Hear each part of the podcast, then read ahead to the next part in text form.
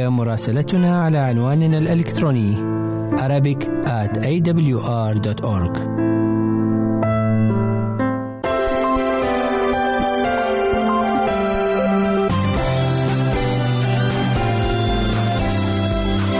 أنتم تستمعون إلى إذاعة صوت الوعد هل تغير الصلاة فكر الله من نحو المصلي؟ وإن كانت الإجابة لا إذا فلماذا نصلي؟ والأهم ما هي الصلاة المقبولة لدى الله؟ هذا هو موضوع حلقتنا اليوم فابقوا معنا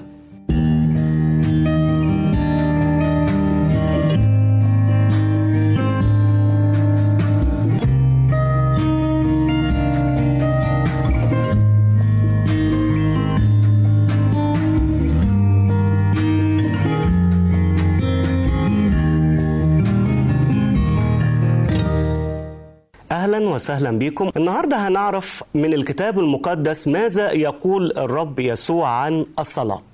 إيه تعاليمه عن الصلاة؟ إزاي كان الوضع الاجتماعي؟ إزاي كان المجتمع اليهودي في وقت السيد المسيح بيمارس الصلاة؟ في البداية نقرأ من إنجيل متى إصحاح ستة. يقول الكتاب ومتى صليت فلا تكن كالمرائين فإنهم يحبون أن يصلوا كأمين في المجامع وفي زوايا الشوارع لكي يظهروا للناس. الحق أقول لكم إنهم قد استوفوا أجرهم. وأما أنت فمتى صليت؟ فأدخل إلى مخدعك وأغلق بابك وصلي إلى أبيك الذي في الخفاء. فأبوك الذي يرى في الخفاء يجازيك علانية. ما هي الصلاة في الفكر اليهودي؟ ولماذا قال السيد المسيح هذه الآيات؟ بالتأكيد كان في أخطاء بيعملها المجتمع اليهودي في الصلاة ولكن الأول خلونا ناخد فكرة عن المجتمع اليهودي وقت السيد المسيح أهمية الصلاة وكان إزاي بيمارسوها. أولا كان الصلاة شيء مهم جدا في المجتمع اليهودي لدرجة أن المعلمين اليهود قالوا أن من يصلي فإنه يسو يسيك حوالين أو حول بيته بسياج من حديد. اللي بيصلي كأنه بيحط سور حوالين بيته سور من حديد. أيضا كان يجب على المصلي أن يتوجه ناحية أورشليم. لو هو خارج أورشليم القدس كان لازم يتجه إلى مدينة أورشليم وده اللي عمله دانيال لما كان في بابل. ولو كان في أورشليم نفسها كان ينبغي عليه أن يتوجه ناحية الهيكل. يعني لو كان في مدينة أورشليم يبقى ينظر وهو بيصلي ناحية الهيكل. طب لو كان في الهيكل نفسه كان ينبغي عليه إن هو ينظر إلى قدس الأقداس أو القدس اللي موجود جوه الهيكل. فإذا كانت الصلاة متبعة وليها أصول معينة كان اليهودي بيتبعها. كان عند اليهودي صلاتين مهمتين جدا. الصلاة الأولانية اسمها شمعة وكلمة شمعة بتأتي من الفعل يسمع لأن في في تثنية ستة الأمر الإلهي اللي بيقول اسمع يا إسرائيل وكانت هذه الصلاة هي من الصلوات المهمة جدا اللي عند الشخص اليهودي. الصلاة الثانية المهمة جدا اللي كانت عند الشخص اليهودي كانت اسمها صلاة الثماني عشر ودي لأنها بتحتوي على 18 أو 18 صلاة اليهودي بيحفظهم وبيرددهم في أوقات أو مناسبات معينة. ممكن نقرأ منها صلاة وهنقرأ منها الصلاة الثانية عشر ونعرف قد إيه كانت هذه الصلوات صلوات جميلة وصلوات بتعبر فعلا عن شعور إنسان بيتضع قدام الرب. بيقول مثلا لتظهر رحمتك يا رب للمستقيمين والمتواضعين وشيوخ شعبك إسرائيل وباقي المعلمين. احسن إلى الغرباء والأتقياء الساكنين بيننا وإلينا جميعا. واعطنا جزاء حسنا للذين يتوكلون من كل القلب على اسمك ليكون نصيبنا معهم في العالم الآتي. فلا يغزى رجاؤنا لك الثناء والحمد يا ربنا لأنك رجاء الأمناء. دي كانت الصلاة. ال 12 من الصلوات ال 18 اللي كان اليهودي بيصليها. كان الصلاة متعود إن هم يكون في ثلاث مرات في اليوم. فكان اليهودي بيصلي في أوقات الساعة الثالثة الساعة السادسة والساعة التاسعة. ده طبعا بالتوقيت اليهودي اللي كان هو الساعة التاسعة صباحا الثانية عشرة ظهرا والثالثة عصرا. دي كانت الأوقات المخصصة للصلاة واللي كان لازم على اليهودي أن هو يتوجه فيها في العبادة في أي مكان يوجد فيه إلى الله بالصلاة. ده كان وقت أساسي وضروري عند اليهودي. كان عند اليهود لازم كل شيء ليه صلاة كل فعل ليه دعاء معين. فكان كل شيء عند اليهود يبدأ بالصلاة. فمثلا لو هيشتري أساس بيت جديد لازم يصلي الأول. لما الشمس تطلع يصلي لما الشمس تغيب ليه صلاة معينة. لما يدخل الحمام لازم فيها صلاة قبل الدخول وصلاة بعد الدخول. لما ياكل قبل الأكل في صلاة كل ده صلوات محفوظة أو أدعية. وبعد ما ينهي الأكل لازم يكون أيضا في صلاة. وهلم جرة لو مشي في الشارع بداية المشي يكون ليه ها دعاء معين ولما يوصل يكون في دعاء آخر.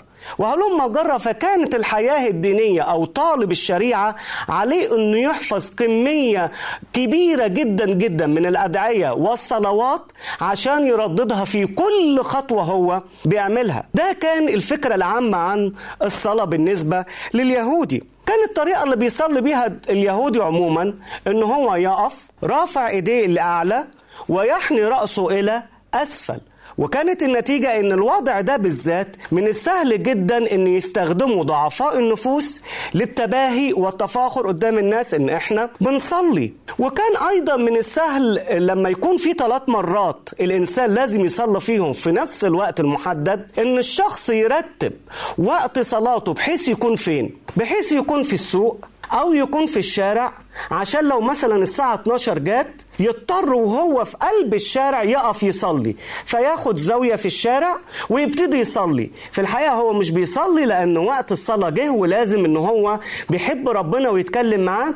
ولكن هو آه رتب الوقت ده عشان الساعة 12 مثلا يكون هو في الشارع والناس تشوفه وهو بيصلي. فكانت أيضا أو استخدمت الصلاة كأداة للتباهي عند البعض ولذلك قال السيد المسيح عن الصلاة. إيه الدوافع الغلط اللي انتقدها السيد المسيح في الصلاة؟ بالتاكيد السيد المسيح لم ينقد أو يوبخ الصلاة كصلاة. فالصلاة شيء أساسي وضروري في الحياة. ولكن ما انتقدوا المسيح هو الطريقة التي يصلون بها. فإيه هي الدوافع الغلط اللي كان ممكن اليهودي بيصلي لأجلها. أول شيء إنها صارت مجرد طقس عند اليهودي. صارت مجرد طقس ولما الصلاة تصبح طقس تبقى مشكلة كبيرة قوي. إن الإنسان فقد معناها. كلمة حتى الصلاة بالعربي حلوة قوي. يعني جاية من كلمة صلة. صلة يعني علاقة. فالصلاة إحنا مش بنعملها فرض. إحنا مش بنعملها شيء إجبار علينا. ده إحنا بنعمل اتصال مع الله. الله بيتصل معانا بالصلاة. لكن اليهودي خدها كإيه؟ خدها كأنها مجرد ترديد كلام مجرد شعائر مجرد طقوس معينة. يعملها؟ يبقى على كده هو صلى. فالسيد المسيح قال لا. الصلاة أعمق من كده بكتير. أتذكر إن كنت في اجتماعات بحضرها مرة وكان في أخ متعوض يصلي لأجل ناس معينين. وكانت في أخت مريضة بيصلي على طول كل اجتماع بيصلي إليها. لكن مشيئة الرب إن هي ارتاحت وركضت على رجاء القيامة اتوفت. فجئت بعد الوفاة إن نفس الأخ بيصلي وبيطلب برضه ليها الشفاء. ليه؟ لأنه ما بيفكرش في صلاته. بيصلي وهو ما بيفكرش في الصلاة. أصبحت مجرد إيه؟ طقس. بيتعمل بيتكرر من غير فهم من غير علاقة. وده اللي السيد المسيح انتقده. الحاجة التانية اللي انتقدها السيد المسيح إن كانت الصلاة بالنسبة للمجتمع وقتها موجهة للناس وليست لله. عشان كده السيد المسيح قال لهم أنتوا بتصلوا في زوايا الشوارع لكي تظهروا للناس. أنتوا بتصلوا لمين؟ للناس. الفريسيين وقت السيد المسيح اتعودوا يعملوا شيء عشان يظهروا بالتقوى أمام الناس. اتعودوا إيه؟ اتعودوا إنهم لو شافوا امرأة ماشية في شارع إن هم يغمضوا عينيهم لحد ما يخبطوا في أي حيطة وبالشكل ده دماغهم ممكن يخبط ويسيل دم منه ومكان الدم يعمل علامة هنا في الجبهة. فالناس أول ما تشوف العلامة دي يعتقدوا إن هؤلاء الناس أبرار ويقول يا شوف السمة اللي على وجهه ده بار ده ده راجل بيصلي ده غمض عينه ها؟ ده غمض عينه عشان ما ينظرش إلى امرأة ده إنسان تقي. جه السيد المسيح وقال لهم كل الأفعال اللي أنتوا بتفعلوها دي أنتوا عملتوها لأجل الناس فأنتوا استوفيتوا أجركم من البشر. فهذا الفعل فعل خاطئ. لما أصلي لكي ينظرني الناس لكي يمدحني الناس لكي يظن في الناس حسنا فأنا لا أصلي. فأنا لا أصلي إلى الله. طيب الحاجة الثالثة اللي انتقدها السيد المسيح في الصلاة بتاع الفريسيين إنها كانت الصلاة اتخذت وسيلة للخداع والمكر والخبث. معقولة؟ الصلاة الحاجة المقدسة. تستغل بهذا الشيء؟ آه. لأن كان في قانون مدني عند اليهود بيقول أن الأرامل لا يستطعن أنهن يدرن أموالهن. كان لازم الأرملة تشوف إنسان ذكر عاقل ليها يدير أموالها. طب تختار مين؟ أكتر واحد بيصلي أكتر واحد بيصوم أكتر إنسان تقف وسط المجتمع. وعشان كده كانوا لعلة يطيلون الصلاة. بدل ما يصلي في خمس دقايق لا يصلي في نص ساعة. مش لأنه بيحب ربنا. لو بيحب ربنا وعايز يصلي عشر ساعات يصلي. ولكن ده بيصلي ليه بالنص ساعة وساعة ويطول قوي في صلاته؟ عشان الناس تاخد عنه فكرة كويسة يخدع الناس بتقوى مش موجودة فيه ويخدع الأرامل إن هو إنسان تقي ويستولي على أموالهن. وكون النتيجة إن الصلاة المباركة المقدسة تصبح وسيلة إلى الغداء وإلى الغش. وعشان كده السيد المسيح قال لهم إن صلاتكم مش مقبولة. كيف نصلي إذا يا أحباء؟ وكيف نتقرب إلى الله؟ هذا ما سوف نعرفه بعد الفاصل فابقوا معنا.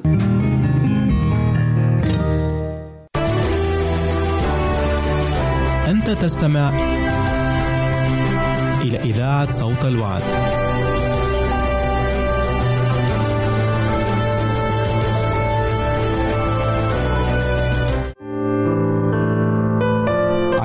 المستمع. يمكنك مراسلتنا على عنواننا الإلكتروني Arabic at awr.org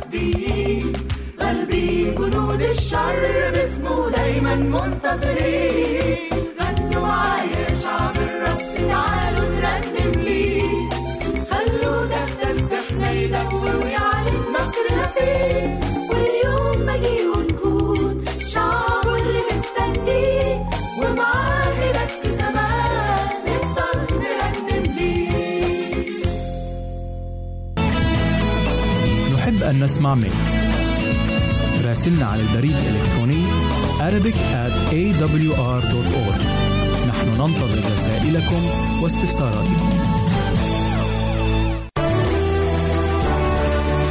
أنت تستمع إلى إذاعة صوت الوعد.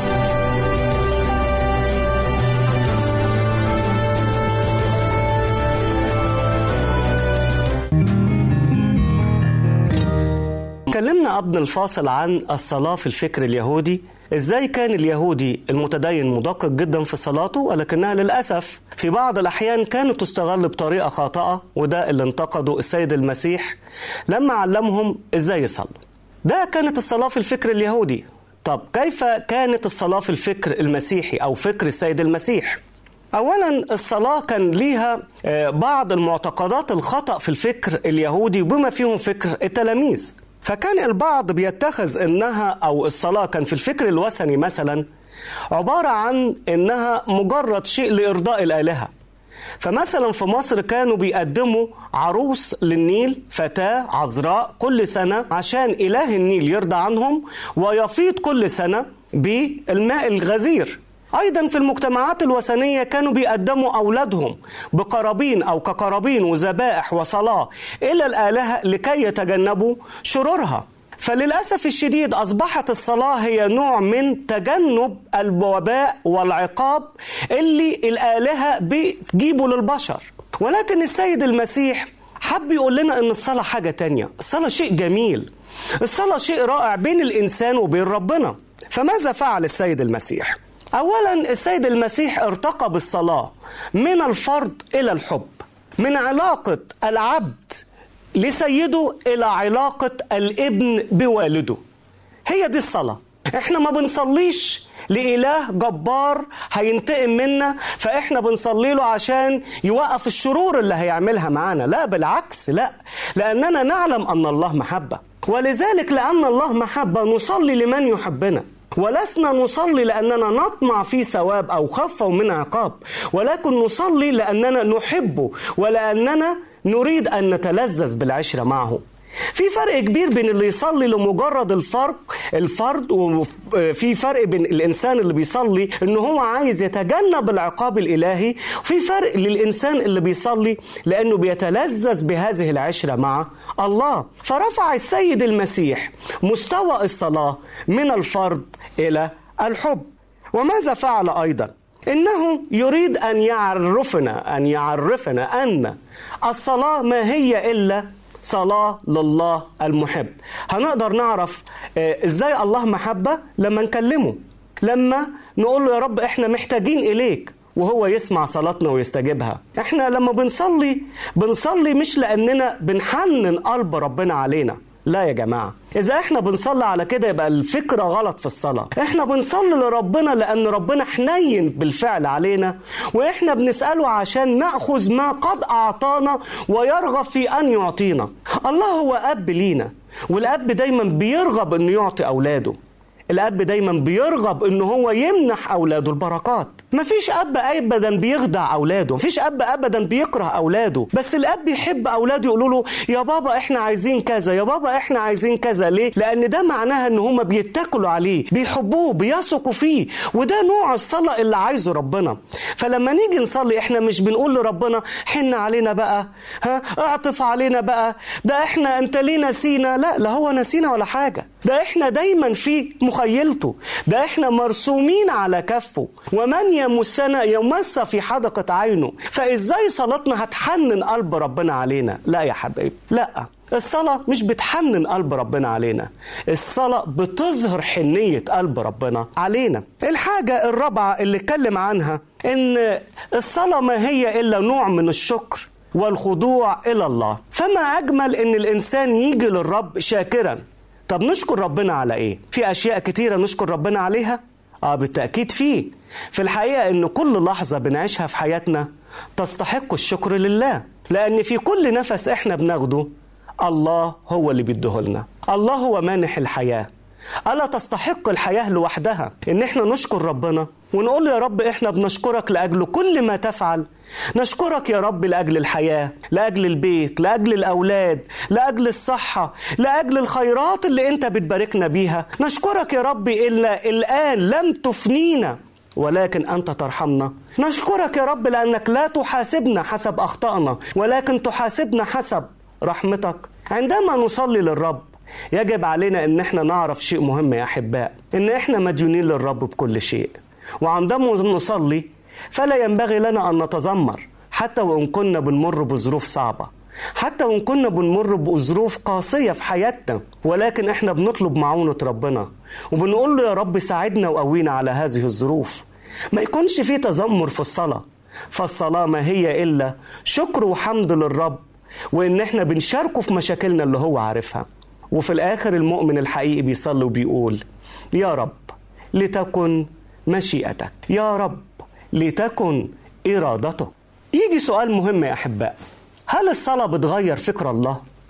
يعني مثلا إحنا لما بنصلي لو مثلا ربنا مخطط لنا شيء معين ربنا هيغير إرادته. لو إحنا طلبنا عكس ما هو مخطط في بعض الناس بيعتقدوا آه ربنا بيغير فكره. لكن الكتاب المقدس بيقول بكل وضوح لا الصلاة لا تغير فكر الله. الصلاة تغير فكرنا نحن عن الله. نقولها تاني الصلاة لا تغير فكر الله ولكن تغير أفكارنا نحن لتتفق مع أفكار الله. إزاي الحكاية دي؟ الله لا يغير أبدا ما يخرج من شفتيه. هو ما بيتفاجئش بحاجة ما بيعرفش شيء. فيش حاجة اسمها مخفي عن الله. لا الله يعلم النهاية من البداية. فمفيش حاجة اسمها الله اتفاجئ إحنا اللي بنتفاجئ. إحنا اللي بنستغرب الله أنا ما كنتش عامل حسابي للحاجة دي. لكن هل نقدر نطبق القاعدة دي على الله؟ ليس الله انسانا فيكذب أو ابن آدم فيندم. لا مش ممكن مش ممكن الله يكذب أو يندم على شيء هو عمله. وعندنا أمثلة كتير بتقول إن الله لا يغير. إرادته حتى لو كان المؤمن بيصلي لهذا الشيء. فهنلاقي مثلا إن موسى لما كان على الجبل وكان ربنا بيكلمه ها؟ وعشان كده موسى سمي بكليم الله لأن الله سبحانه وتعالى كان بيكلمه. طلب موسى طلب غريب جدا. طلبه قال له إيه؟ قال له يا رب اريني وجهك. ده مين اللي بيتكلم؟ موسى. موسى اللي الرب اختاره نفسه. قال له يا رب اريني وجهك. تفتكروا ربنا استجاب لهذه الصلاة؟ قال له لا. قال له لا يقدر أحد أن يراني ويعيش. يا موسى أنت إنسان. لسه ما اتغيرتش فيك الطبيعة الخاطئة. لا يقدر أحد أن يراني ويعيش. وكانت النتيجة إيه؟ ربنا ما سمعش لهذه الصلاة من عبد موسى. ليه؟ هل موسى كان خاطي؟ لا. ولكن الطلبة اللي طلبها كانت هتهلكه. لأنه لو كان رأى مجد الله ألوهية الله ذاتها كان مات كان فني في لحظة. فأدي موسى. يبقى ربنا بيغير فكره الله لا يغير فكره. وإيه تاني يا جماعة؟ بولس بولس الرسول. بنلاقي إن بولس أصيب بشوكة في الجسد. الشوكة في الجسد دي ألمته جدا جدا لدرجة إن هو صلى للرب. خلي بالكم بولس الرب كان مديله موهبة الشفاء لدرجة إن هو كانوا بياخدوا منه بعض من ملابسه يضعوها على الناس اللي فيها أرواح نجسة. كانت الأرواح النجسة بتخرج خارجا وشفى كثيرين والرب اعطى له موهبة حتى إنه أقام إنسان من الموت اللي هو افتيخوس وبالرغم من كده ما قدرش يشفي نفسه. لحر الرب وصلى ثلاث مرات. وبيقول من أجل هذا تضرعت إلى الرب. ثلاث مرات. يا رب اشفيني. يا رب اشفيني. يا رب اشفيني. طب وكانت النتيجة إيه؟ هل سمع لصلاته واستجيبت له؟ نعم سمع لصلاته ولكن استجيبت له بكلمة لا. أنا سمعت صلاتك يا بولس ربنا بيقول ولكن لن أستجيبها لك بما تريد سأستجيبها بالطريقة التي أريد أنا. إزاي يا رب؟ يقول هخلي المرض زي ما هو هخلي الشوكة زي ما هي. أنت هتفضل زي ما أنت. طب إيه الحكمة من كده يا رب؟ هو لو بولس مش كان إنسان سليم كان هيكون ده أفضل؟ فعلا كان هيكون ده أفضل. ولكن ربنا لأنه شاف إنه ممكن بولس لو ما كانش فيه الضعف ده يتكبر ويرتفع قلبه على الله فربنا حماه بهذا الشيء وقال له مش هستجيب صلاتك. اذا الصلاة لا تغير فكر الله. إذا لماذا نصلي؟ إذا كانت الصلاة لا تغير فكر الله. إذا فلماذا نصلي؟ الصلاة هي مثل الطاقة للإنسان. لو في مصباح كهربائي محتاج إيه؟ محتاج كهرباء. لو ما فيش كهرباء ما فيش نور. هكذا الإنسان. إحنا بدون الله أموات. أموات بالخطايا والذنوب. ما فيش اتصال يبقى في موت. الحاجة التانية إيه؟ إن بالصلاة إحنا بنفتح خزائن السماء. هي المفتاح اللي الرب ادهولنا وبيقول لنا بيه هتفتح خزائن السماء عشان تاخد البركات اللي موجودة في السماء. ده موجود في لوح 11 9 و10 وأنا أقول لكم اسألوا تعطوا اطلبوا تجدوا اقرعوا يفتح لكم. لأن كل من يسأل يأخذ ومن يطلب يجد ومن يقرع يفتح له. ادي البركة اللي إحنا بناخدها بالصلاة. الحاجة الأخيرة كما قلنا سابقا أحبائي أن الصلاة لا تغير فكر الله ولكن تغير أفكارنا نحن لنعرف مشيئة الله في حياتنا. أحبائي لقد وضع الرب الصلاة لنا لتكون هي الطريقة التي بها نتصل به لتكون هي الأسلوب الذي يحدثنا به نسمعه ويرد علينا. نلقي بكل همومنا وأحمالنا عندما نصلي إليه وهو بصلاح ومحبته. يعلمنا كيف نصلي ويستمع إلى صلاتنا ويصغي إليها ويستجيبها بحسب حكمته وحسب مشيئته. فلماذا لا نصلي أحيانا؟ لماذا نتوانى؟ في وسط هذا العالم المليء بالسرعة الهائلة لماذا لا نأتي للرب؟ ساجدين خاشعين وطالبين منه أن يعطينا هذه الساعة الجميلة التي نقضيها في الصلاة معه. ليتنا أحبائي نخصص وقت لصلاتنا مع الرب. ليتنا نتعهد الآن بأن نكرس كل حياتنا للرب. فليتنا نحن رؤوسنا للصلاة ونصلي معا هذه الطلبة.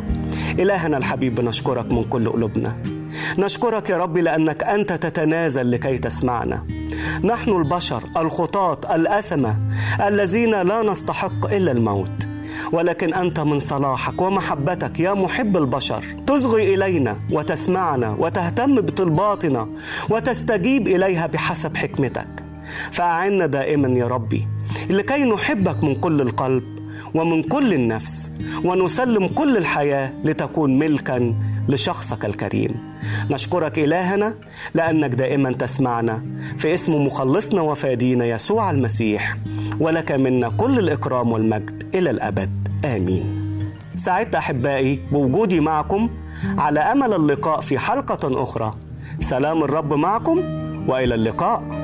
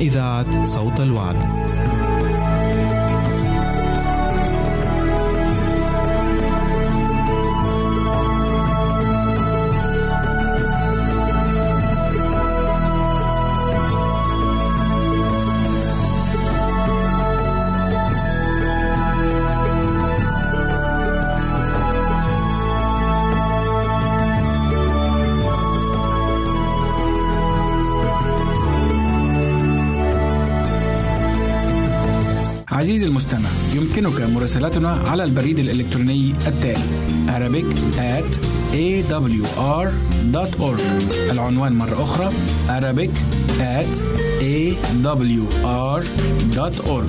ونحن في انتظار رسائلك واقتراحاتك.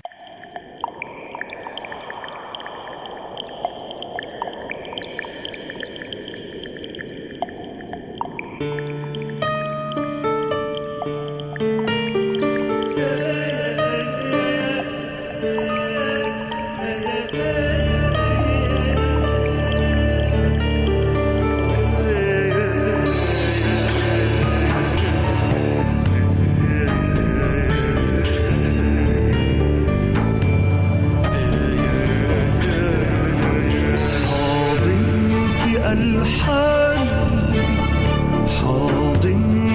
الحق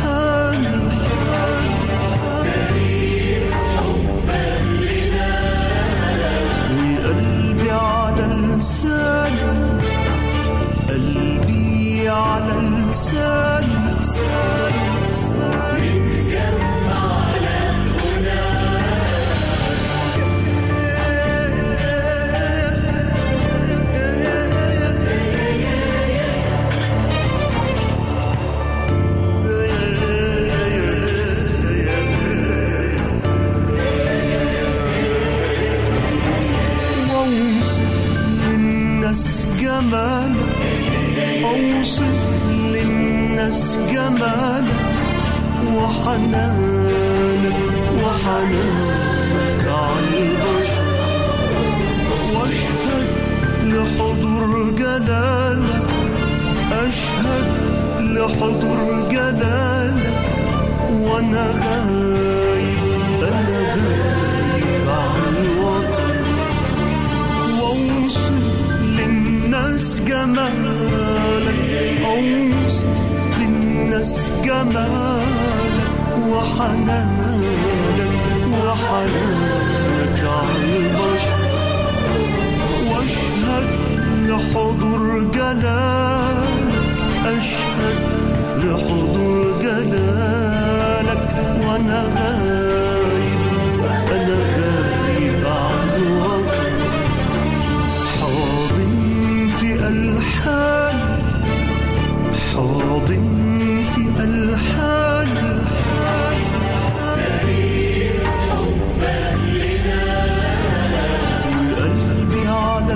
اللسان قلبي على اللسان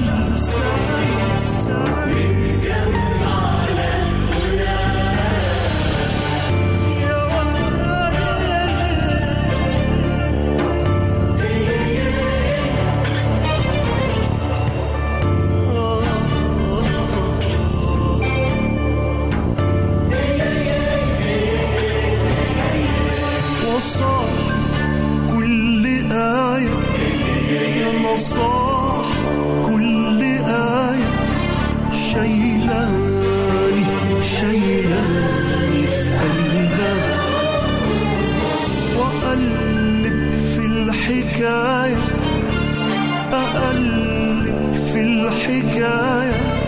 ملقاش ملقاش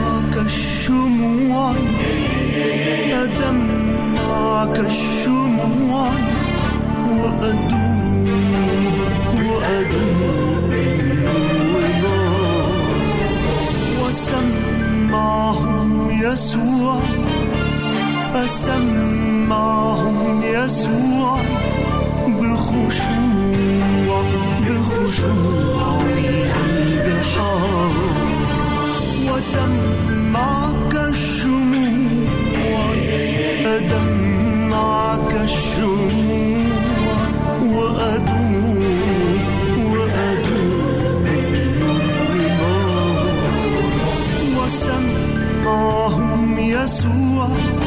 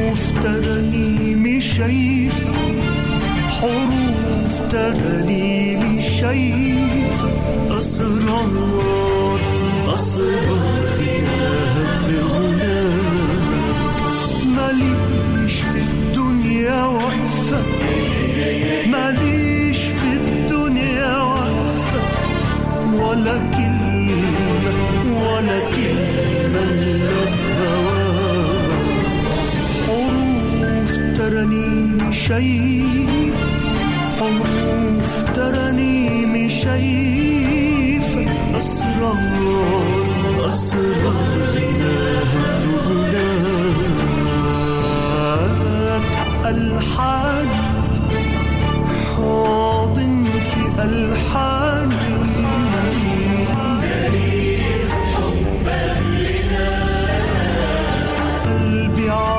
لساني. قلبي على لساني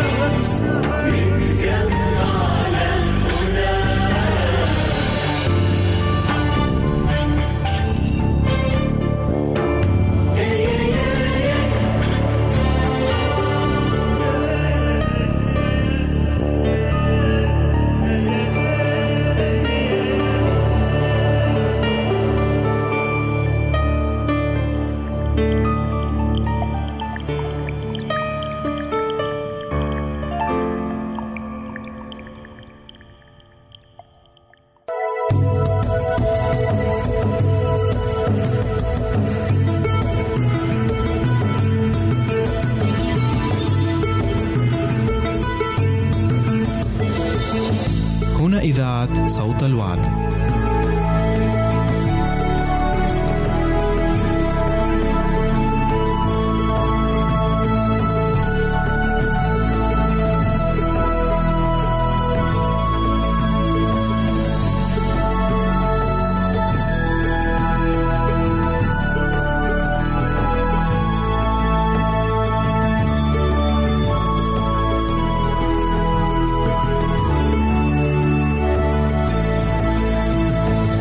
أعزائي المستمعين سلام الله عليكم. نرحب بكم في هذا البرنامج أضواء على الصحة. واستجابة منا لرغبة المستمعين الكرام فقد خصصنا حلقة اليوم التي تحمل عنوان حالات التسمم لعرض أسباب الإصابة بالتسمم وكيفية الوقاية من هذه الحالات. وبالرغم من أن هذا الموضوع يهم الأطفال بشكل ما إلا أنه مخصص للجميع بوجه عام. راجين لكم الخير والعافية.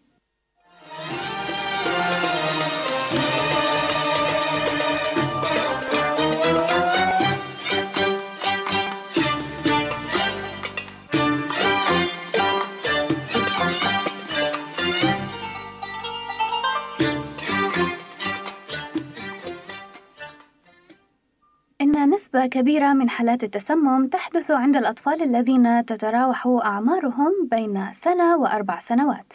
ولعل أكثر حالات التسمم شيوعًا هي نتيجة تناول عدد كبير من أقراص الأسبرين الخاص بالأطفال والقابل للمضغ. أما الأدوية المسكنة فهي في طليعة أسباب التسمم عند البالغين، ويليها كحول الأخشاب والكحول الممسوخ. والسموم كثيرة ويصل عددها إلى ما يزيد على الثلاثين سمًا، من بينها التسمم الشائع والمعروف في الأوساط العامة بتسمم الطعام. وفي برنامجنا هذا سنتطرق إلى أشهر السموم التي يتعرض لها أفراد العائلة، مثل سم الصراصير والفئران ومبيدات الحشرات ومساحيق الغسيل والمسكنات والمخدرات والنفتالين والنفط وما إلى ذلك من مواد يسهل على الأطفال وحتى الكبار أن يخطئوا أنواعها فيتناولونها بطريق الخطأ. تقرر عادات الشخص إلى حد بعيد سلوكه اليومي ولا سيما في المنزل، وعادة أخذ الاحتياطات اللازمة وتجنب المخاطر قد تنقذ الحياة على المدى الطويل، بينما عادة الإهمال وقلة الاكتراث تشكل بداية المشكلات.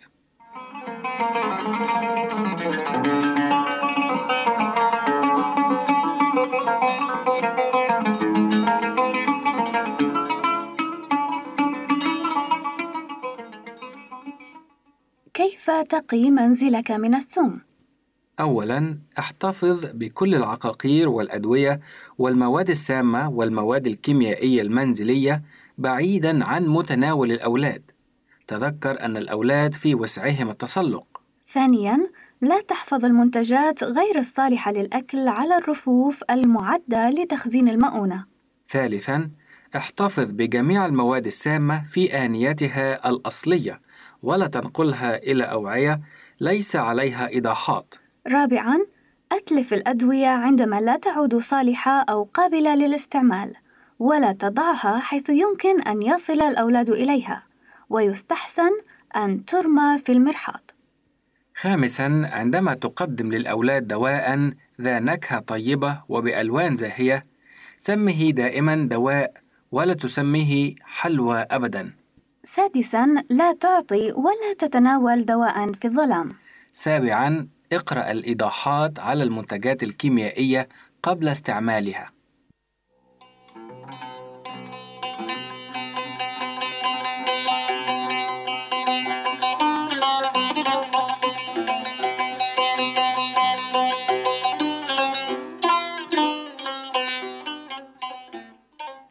من المهم جدا أن تعلم بأنك قد تسممت. فإذا لم تدرك هذه الحقيقة قد تظن أن ما يصيبك هو مجرد عرض لمرض طفيف أو وعكة بسيطة فتؤجل الإسعاف السريع مما قد يؤدي بحياتك فما هي أعراض التسمم؟ تماثل أعراض التسمم أعراض الأمراض المعدية إلى حد ما وهي تشمل فقدان الشهية، وجع البطن، تلبك المعدة، الميل إلى التقيؤ والإسهال. كما أن جلد الشخص المصاب بالتسمم قد يكون باردا ورطبا ومزرورقا وأخيرا قد يفقد المصاب وعيه ويصاب بالتشنج. فمتى أصابتك هذه الأعراض لا تؤخر الإسعافات بل سارع بها على الفور من المهم قبل كل شيء أن في حالة الاشتباه بحدوث التسمم يتم الاتصال بالطبيب أو الإسعاف. عندما تشتبه بحدوث التسمم أجري اتصالات تليفونية طارئة بالطبيب أو بمركز السيطرة على التسمم إذا وجد ويفضل أن يقوم بالاتصال شخص غير القائم بعملية الإسعاف الأولي كي يكرس هذا كل وقته للعناية بالمريض. قدم أكبر قدر مم- ممكن من المعلومات أثناء اتصالك اسم المريض كل إشارة إلى طبيعة السم مثل الإيضاحات على العلبة التي تحتوي المادة التي تناولها المصاب وأعراض المرض ومكان وجود المريض تماما ويتوجب على الشخص القائم بالاتصال أن يطلب تعليمات حول طريقة العناية بالمريض إلى أن يصل العون ويتم نقل المصاب إلى غرفة الطوارئ. الإسعافات الأولية للتسمم بالاستنشاق عندما يكون المصاب بالتسمم قد تنفس غازا ساما مثل أول أكسيد الكربون انقله من الغرفة أو المكان الذي استنشق فيه الغاز واعمل له تنفسا اصطناعيا بقدر الحاجة إلى إبقاء تنفسه مستمرا. ثم أطلب العون من شخص مدرب. وإذا وجدت قنينة أكسجين أطلق تيار غاز الأكسجين تحت أنفه كي يستنشقه.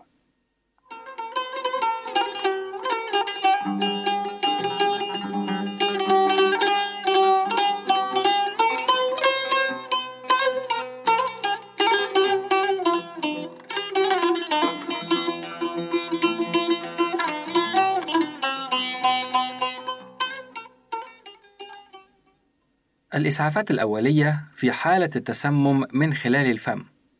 حاول التعرف على طبيعة السم أو الدواء المبتلع. أعطي هذه المعلومات وغيرها إلى الطبيب أو فرقة الطوارئ أو مركز السيطرة على السم عند إجرائك المكالمة التليفونية.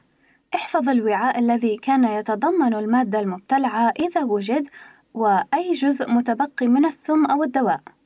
واحتفظ أيضا بمحتويات المعدة عندما يتقيأ المريض حتى يفحصها الطبيب أو الشخص المختص بمعالجة التسمم.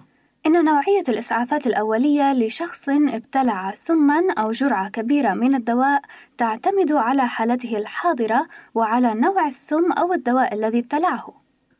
عندما يكون المصاب قد ابتلع مادة بترولية مثل الكيروسين أو الجازولين أو البنزين أو كل مادة لتخفيف الدهان أو الفينول أو النفط أطلب العون من شخص مدرب أنقل المصاب إلى المستشفى لأنه يوجد خطر عظيم في أن يصاب بنوع خطر من أمراض الرئة. استعمل التنفس الاصطناعي الذي يؤمن حاجته إلى الاستمرار في التنفس وإذا وجدت قنينة أكسجين دع تيار الأكسجين يمر تحت أنفه كي يستنشقه. ولا تكره المصاب على التقيؤ إلا بناء على طلب الطبيب وتحت إشرافه وأعطه كوب حليب ليشربه فيخفف تركيز محتويات معدته. ويمكن أيضا إعطاؤه بياض البيض أو موزا مهروسا بواسطة الفم كي تهدئ الأعضاء الملتهبة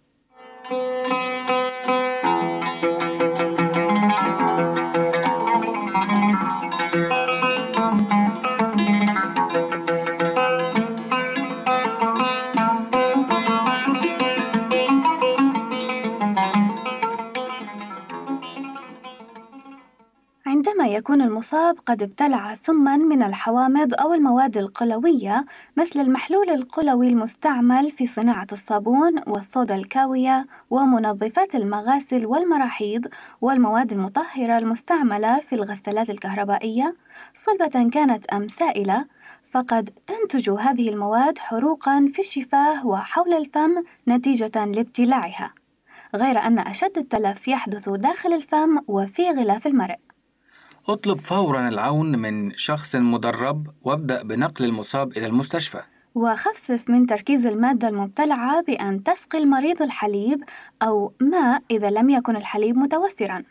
وانزع ثياب المصاب الملوثة واغسل الجلد تحتها.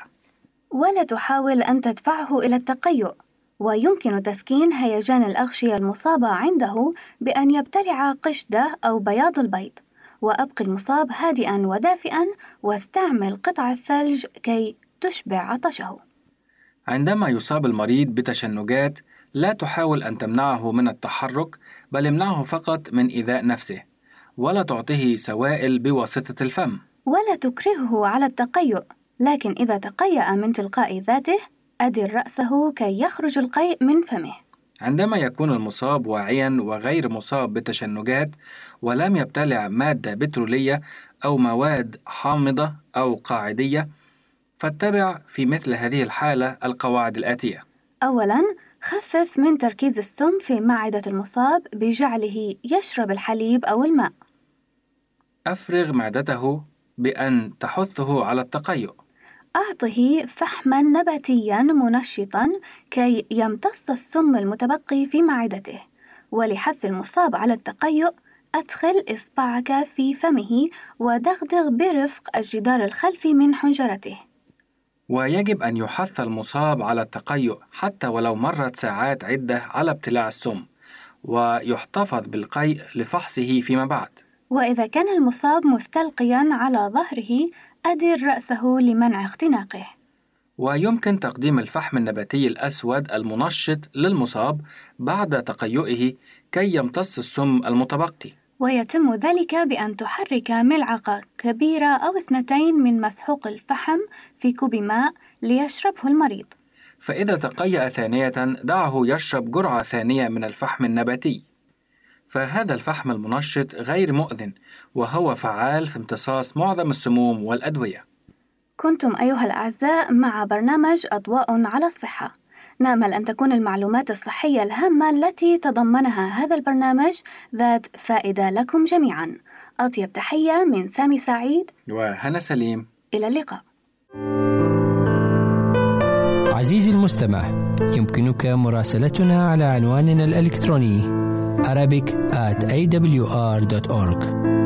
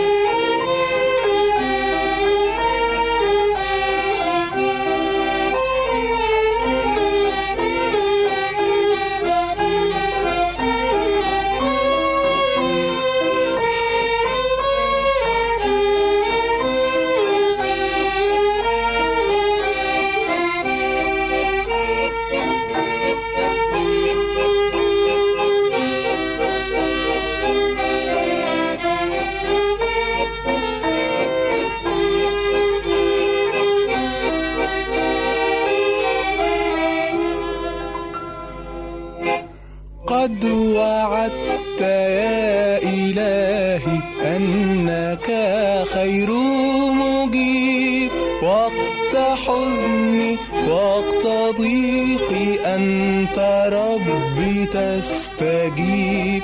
قد وعدت يا إلهي أنك خير مجيب. وقت حزني وقت ضيقي أنت ربي تستجيب.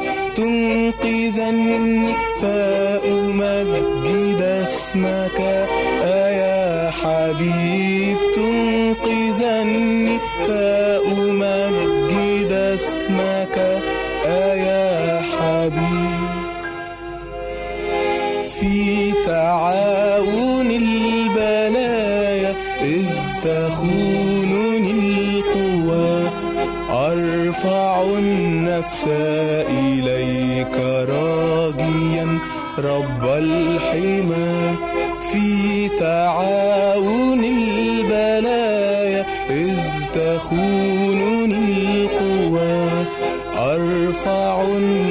إليك راجيا رب الحمى.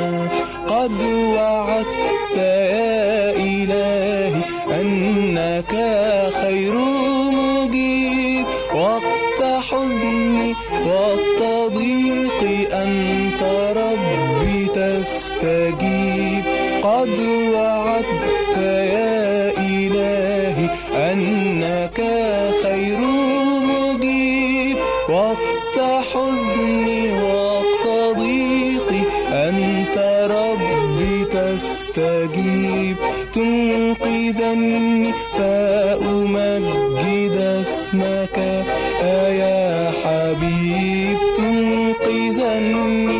فأمجد اسمك يا حبيب. كل شيء يجري حولي رتبته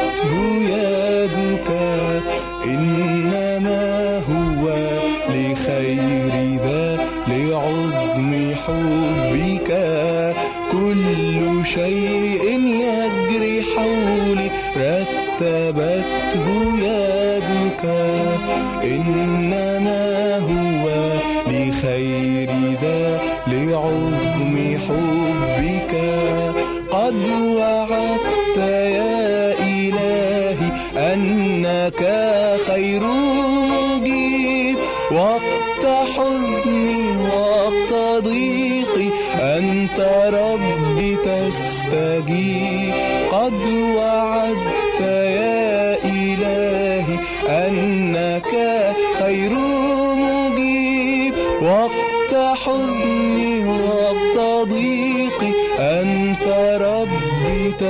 تستجيب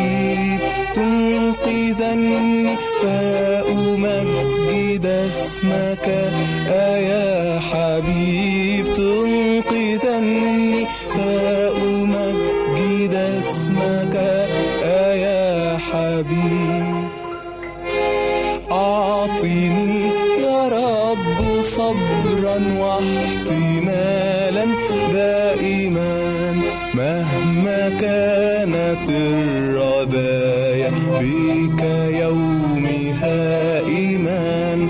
أعطني يا رب صبرا واحتمالا دائما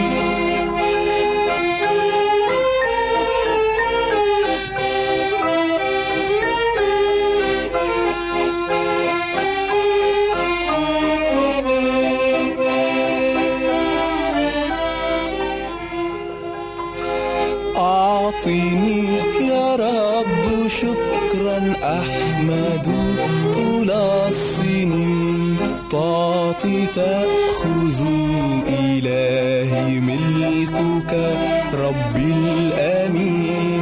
أعطني يا رب شكرا أحمد طول السنين. تعطي تأخذ إلهي ملكك